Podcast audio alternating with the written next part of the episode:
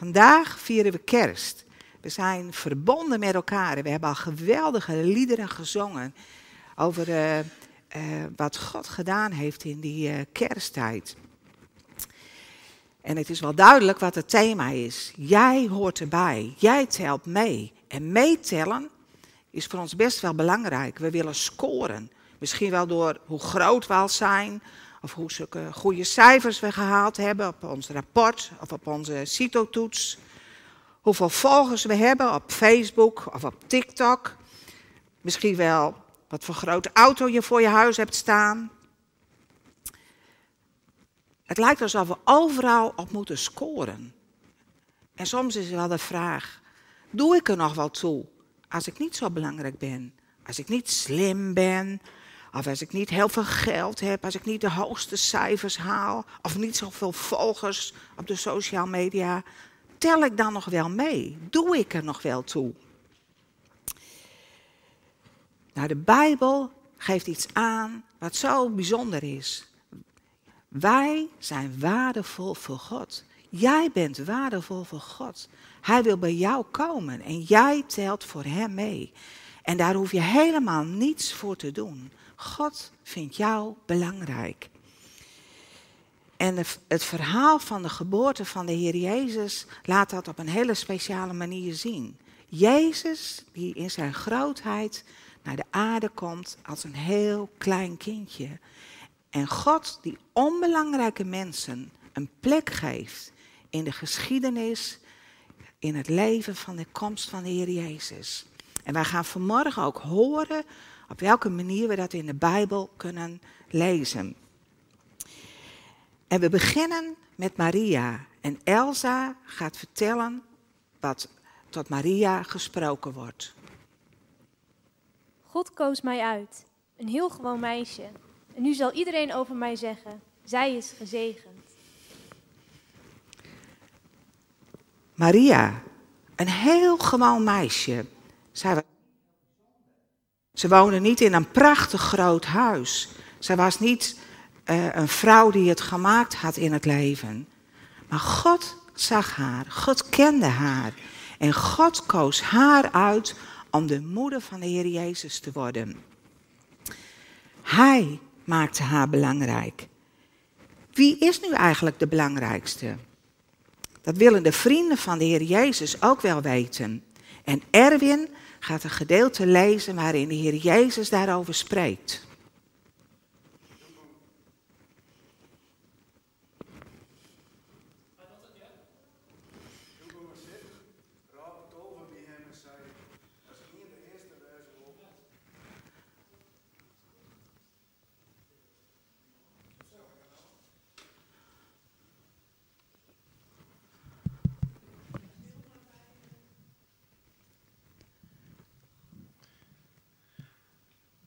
Toen ging er zitten, raap de tolve bij hem en zei: Als iemand de eerste wezen wil, dan moet de allerlaatste wezen.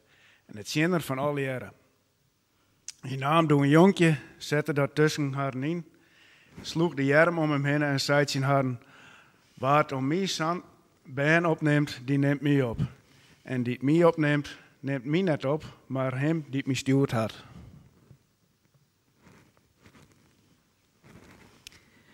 Je wordt niet belangrijk door je succes, door je geld of de carrière die je gemaakt hebt. Ook niet door de hoge cijfers die je gehaald hebt of de opleiding die je doet.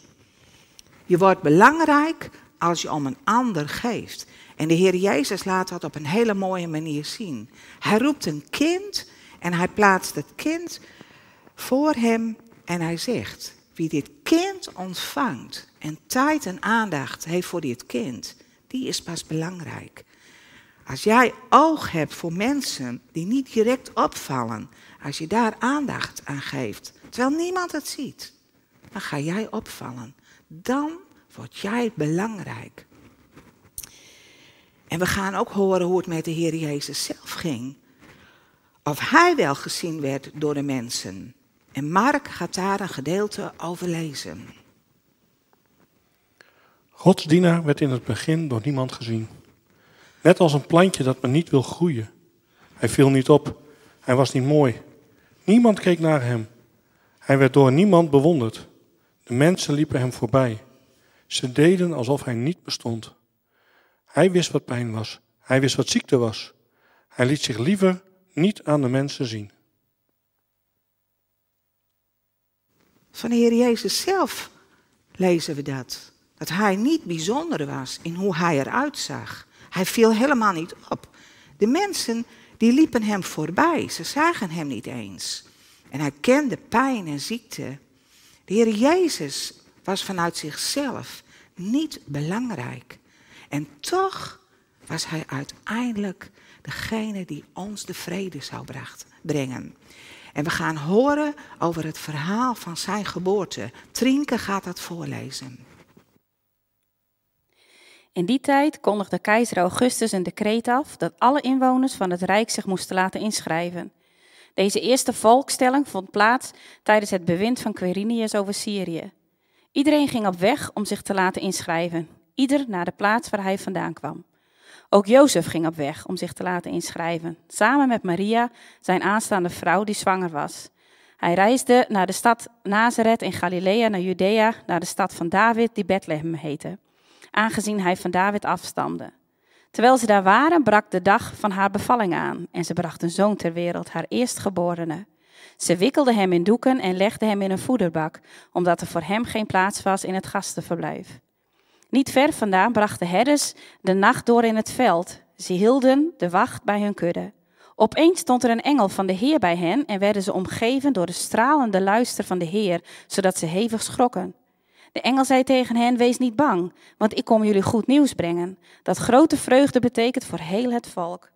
Vandaag is in de stad van David jullie redder geboren. Hij is de Messias, de Heer. Dit zal voor jullie het teken zijn. Jullie zullen een pasgeboren kind vinden dat in doeken gewikkeld in een voederbak ligt. En plotseling voegde zich bij de engel een groot hemelsleger dat God prees met de woorden: Eer aan God in de hoogste hemel en vrede op aarde voor de mensen die hij lief heeft. Toen de engelen waren teruggegaan naar de hemel, zeiden de herders tegen elkaar: Laten we naar Bethlehem gaan om met eigen ogen te zien wat er gebeurd is en wat de Heer ons bekend heeft gemaakt. Ze gingen meteen op weg en troffen Maria en Jozef en het kind dat in de voederbak lag. Toen ze het zagen, vertelden ze wat hun over het kind was gezegd. Allen die het hoorden stonden verbaasd over wat de herders tegen hen zeiden. Maar Maria bewaarde al deze woorden in haar hart en bleef erover nadenken. De herders gingen terug, terwijl ze God loofden en prezen om alles wat ze gehoord en gezien hadden, precies zoals het hun was gezegd. Wat een bijzonder verhaal. Als je dit verhaal met je hart leest, dan zijn er zoveel wonderen in die, er, die daarin gebeuren. Dat begint al met Jozef en Maria die op weg gaan. Maria die hoog zwanger is en die op het eh, punt van bevallen staat en die dan vertrekken moet, samen met Jozef naar Bethlehem. Maar het was al voorspeld dat de Messias in Bethlehem geboren zou worden. Wat een bijzonder hoe God dat helemaal geregisseerd heeft. En dan komen ze daar en dan is er geen plek. En dan vinden ze een stal, een hele armoedige plaats.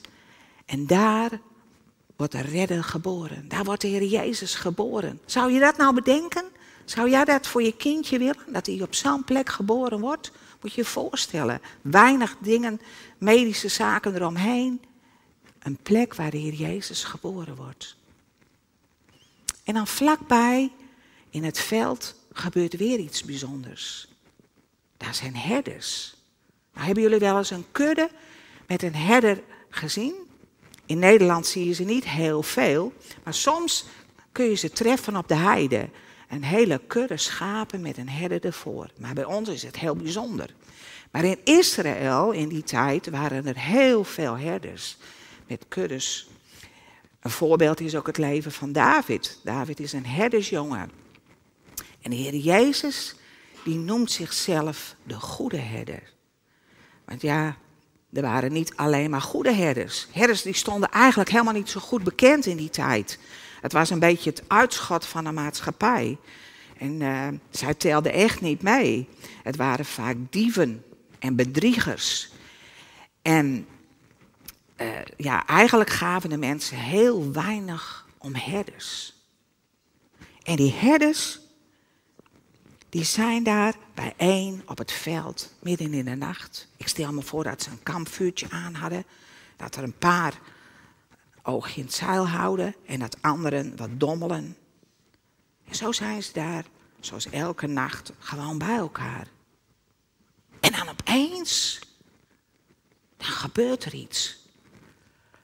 Een groot licht en er staat daar iemand. Nou, het is geen mens.